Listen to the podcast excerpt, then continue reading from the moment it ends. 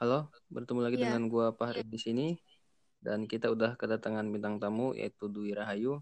Dwi Rahayu, gimana kabarnya? baik Pari, lu gimana?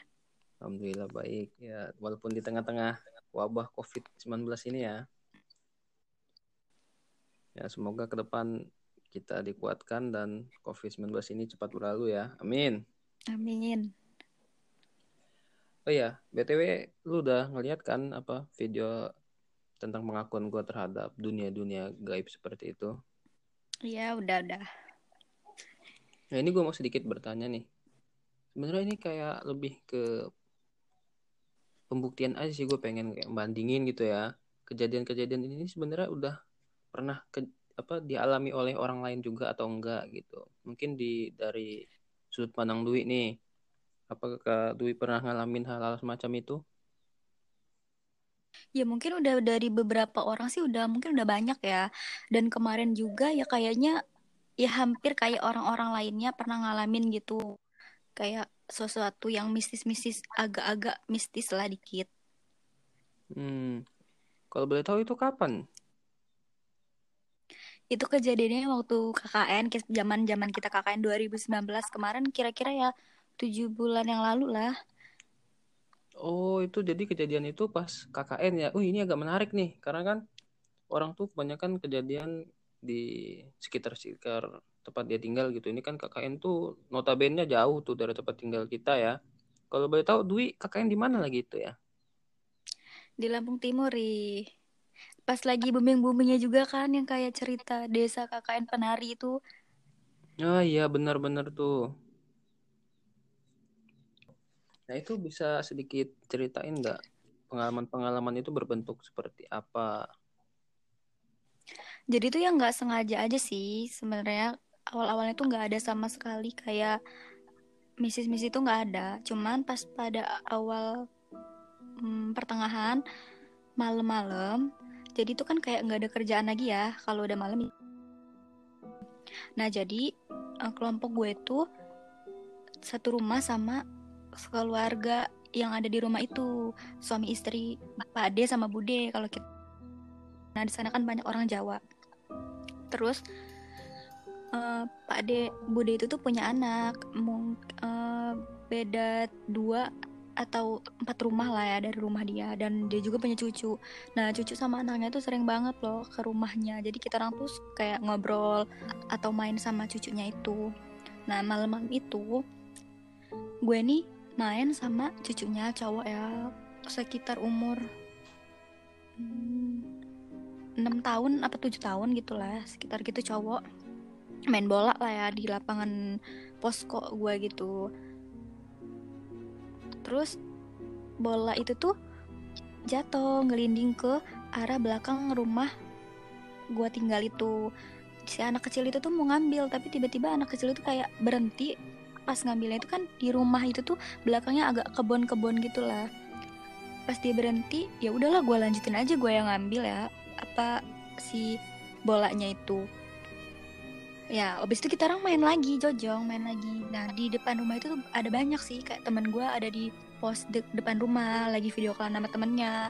Ada pokoknya agak rame lah ya sebagian di dalam.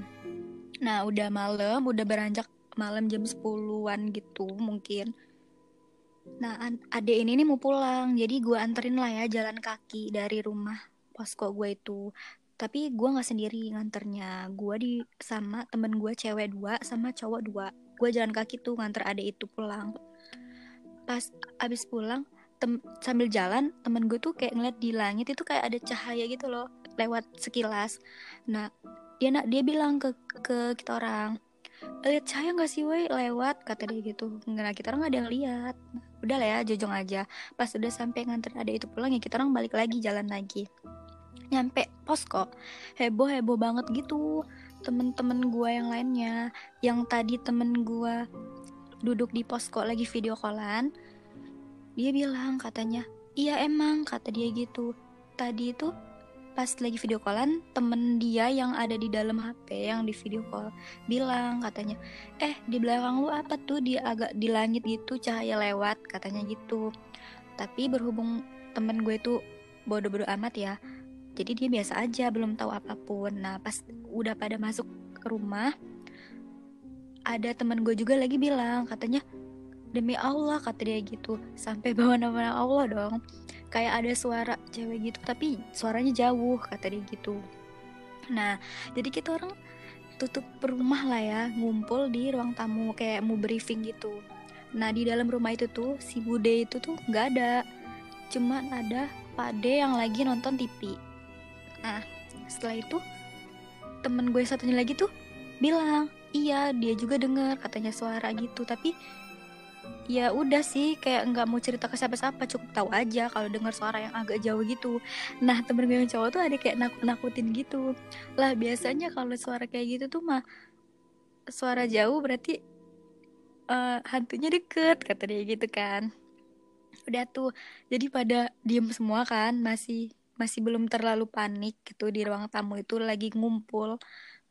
Nah nah temen gue tuh minta temenin cuci muka ya rumah bude itu tuh lumayan agak gede sih ke belakang. Nah di belakang itu ada kayak dapur, dia tuh ada pintu kayak kayak bambu gitu kan. Itu tuh susah banget loh buat ditutup. Itu pakai harus ditarik gitu, nggak bisa kayak kena angin aja dia nggak bakal menutup sendiri walaupun anginnya kenceng. Pas temen gua uh, cuci muka, dia tuh kak lari lari ke depan sambil nangis gitu kata dia ya kita orang panik lah ya. Kenapa nangis nangis terus dia bilang pokoknya dia tuh kayak nggak bisa ngomong lagi gitu loh mau ngap mau ngomong apa. Pokoknya dia terus terusan nangis nangis nangis aja gitu. Ya kita orang tenangin lah ya. Langsung dia bilang tadi tuh pas lagi cuci muka pintu yang itu tuh tiba-tiba kayak berkali-kali ketutup kebuka ketutup kebuka gitu kata dia gitu ya. Nah kita orang masih mau nenangin dia lah. Mungkin pade kali lagi di belakang gitu ya Enggak, ternyata tadi tuh masih nonton TV, kata dia. Emang ruangan TV itu agak beda ya dari jalur ruang tamu ke ke kamar mandi itu. Ya udah, tapi dia tuh masih tetap aja nangis nangis nangis nangis gitu. Nah, udah kan kita orang tenangin tenangin. Dia nggak mau nggak mau ke kamar, ya nggak mau tidur segala macam nggak mau. Terus pas udah agak malam, udah ya kita oh, tidur masing-masing kan ke kamar masing-masing si gua terutama gua gue ini tidur. Terus nggak tahu kan bisa itu loh nggak bisa ngebuka mata gitu kayak ada nahan agak nahan gitu. Teman-teman gue tuh udah pada tidur. Pas pas gue mau buka mata tuh gue tuh sama sekali nggak bisa buka mata gitu loh kayak keringetan semua gitu. Gak bisa ngebuka mata dikit sih kayak dikit banget gitu nggak nggak langsung blek buka atau enggak panas-panas itulah pokoknya. Gue tuh mau ngebangunin temen gue tuh nggak bisa. Mau ngomong juga tuh nggak bisa. Mau minta gerak sedikit aja tuh gue tuh nggak bisa. Nah pas abis dari situ si temen gue kamar sebelah kamar sebelah dia tuh kayak cerita kalau besok paginya ini ya besok paginya cerita kalau semalam itu emang kayak ada bau-bau gitu kata dia bau-bau gitu. Tapi beberapa orang aja sih yang yang nyium. Nah dan temen gue juga mau mau melek kayak gue itu tapi nggak bisa gitu loh mau melek. Ya ya jadi cuman pengalaman itu doang yang kayak emang tiba-tiba aja kok kita orang semua ini kayak di dikasih tahu gitu loh kalau ada makhluk atau apa ya yang mungkin ngeganggu enggak juga dibilang gak ngeganggu atau ada apa yang kita orang nggak tahu juga sih. Tapi yang kita orang rasain tuh semuanya tuh dari 14 orang ya sama. Kayak emang ngerasain ada sesuatu gitu yang datang malam itu nyamperin ke posko kita orang. Ya gitu aja sih Ri. Pengalaman yang hmm. gua gua alamin gitu semasa KKN kemarin. Hmm. jadi jadi gini apa sebenarnya cerita ini itu menurut gua menarik banget ya Wi ya. Karena kan satu sisi ini si sosok itu tuh nggak nampakin gitu cuma kayak sekelibat. Terus juga dia menunjukkan eksistensinya dengan bersuara. Terus juga ada kayak gangguan-gangguan di beberapa rekan gitu di kamar sebelah apa mencium aroma-aroma yang nggak sedap atau di tempat lu tinggal tempat lu tidur diganggu Mm-mm. dengan cara nggak bisa bangun. Nah hal-hal semacam ini sebenarnya di luar nalar kita ya Wi ya kan? Cuman Mm-mm. bisa kejadian gitu. Nah menurut lu ini apakah kemudian makhluk-makhluk seperti itu tuh beneran ada? Menurut tuh kayak mana? Ya kita nggak bisa pungkirin ya. Pasti eh, pasti ada lah ya makhluk-makhluk kayak gitu tuh. Ya bukan jin ya mungkin. Kalau misalnya ada yang ngeganggu itu ya mungkin jin gitulah ya. Pasti pasti ada entah dia mau ngeganggu atau enggak ya kita nggak tahu lah ya. Husnuzon aja ya kita ngelakuin aja yang terbaik. Kalau nggak usah lah ya kita kayak bener-bener mau nyari tahu atau ngeganggu dia itu juga kan nggak baik sih. Dia juga makhluk lain juga bakal marah lah kan. Kalau diganggu kita juga manusia kalau diganggu kita bisa marah gitu. Tapi ya Ri setelah gue pulang kakak itu ternyata temen gue juga dia tuh nggak bilang apa-apa anak cowok. Dia kan anak cowok itu tidurnya tuh di di belakang gitu di deket dapur. Ternyata pas setelah pulang gue masih kontekan tuh sama temen gue ada yang cowok tuh di belakang yang tidur di belakang. Ternyata dia tuh nggak pernah cerita apa pun tapi dia setelah pulang dia bilang ke gue kalau dia sering banget namanya ketindihan gak sih namanya? Yang kayak oh gue iya gitu. benar kayak gitu. Dia tuh pernah Hmm. katanya dia tuh sering nggak sering sih mungkin beberapa kali temen di samping yang tidur tuh kayak manggil kenapa lu? Kenapa lu dia tuh diem aja gitu tiba-tiba nanti dia tidur lagi. Terus baru deh dia sadar tapi dia tuh ngerasa kalau dia kayak gitu. Kecil gak sih? Kayak ngerasa tapi Iya. apa gitu. Hmm, kalau kalau kayak semacam apa sih?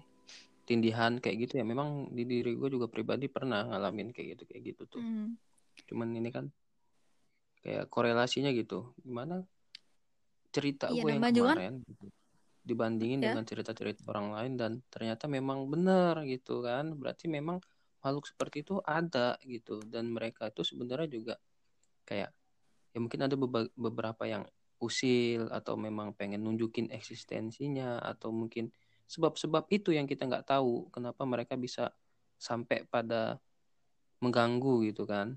Tapi hmm, poin yang kita tangkap di sini berarti memang dia ada dan itu nggak kita nggak bisa pungkiri iya. Dan mungkin gue tangkap juga ada pesan dari Dwi. Dan satu poinnya kalau memang makhluk-makhluk seperti itu tuh I- ada.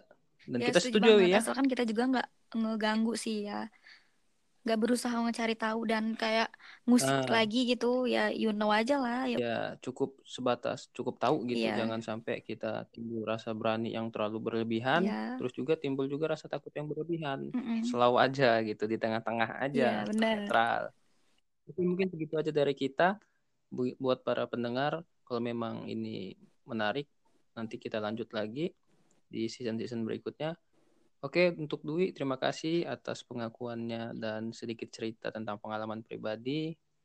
Oke, Oke, Ri, makasih. sampai jumpa. Terima kasih, sama-sama.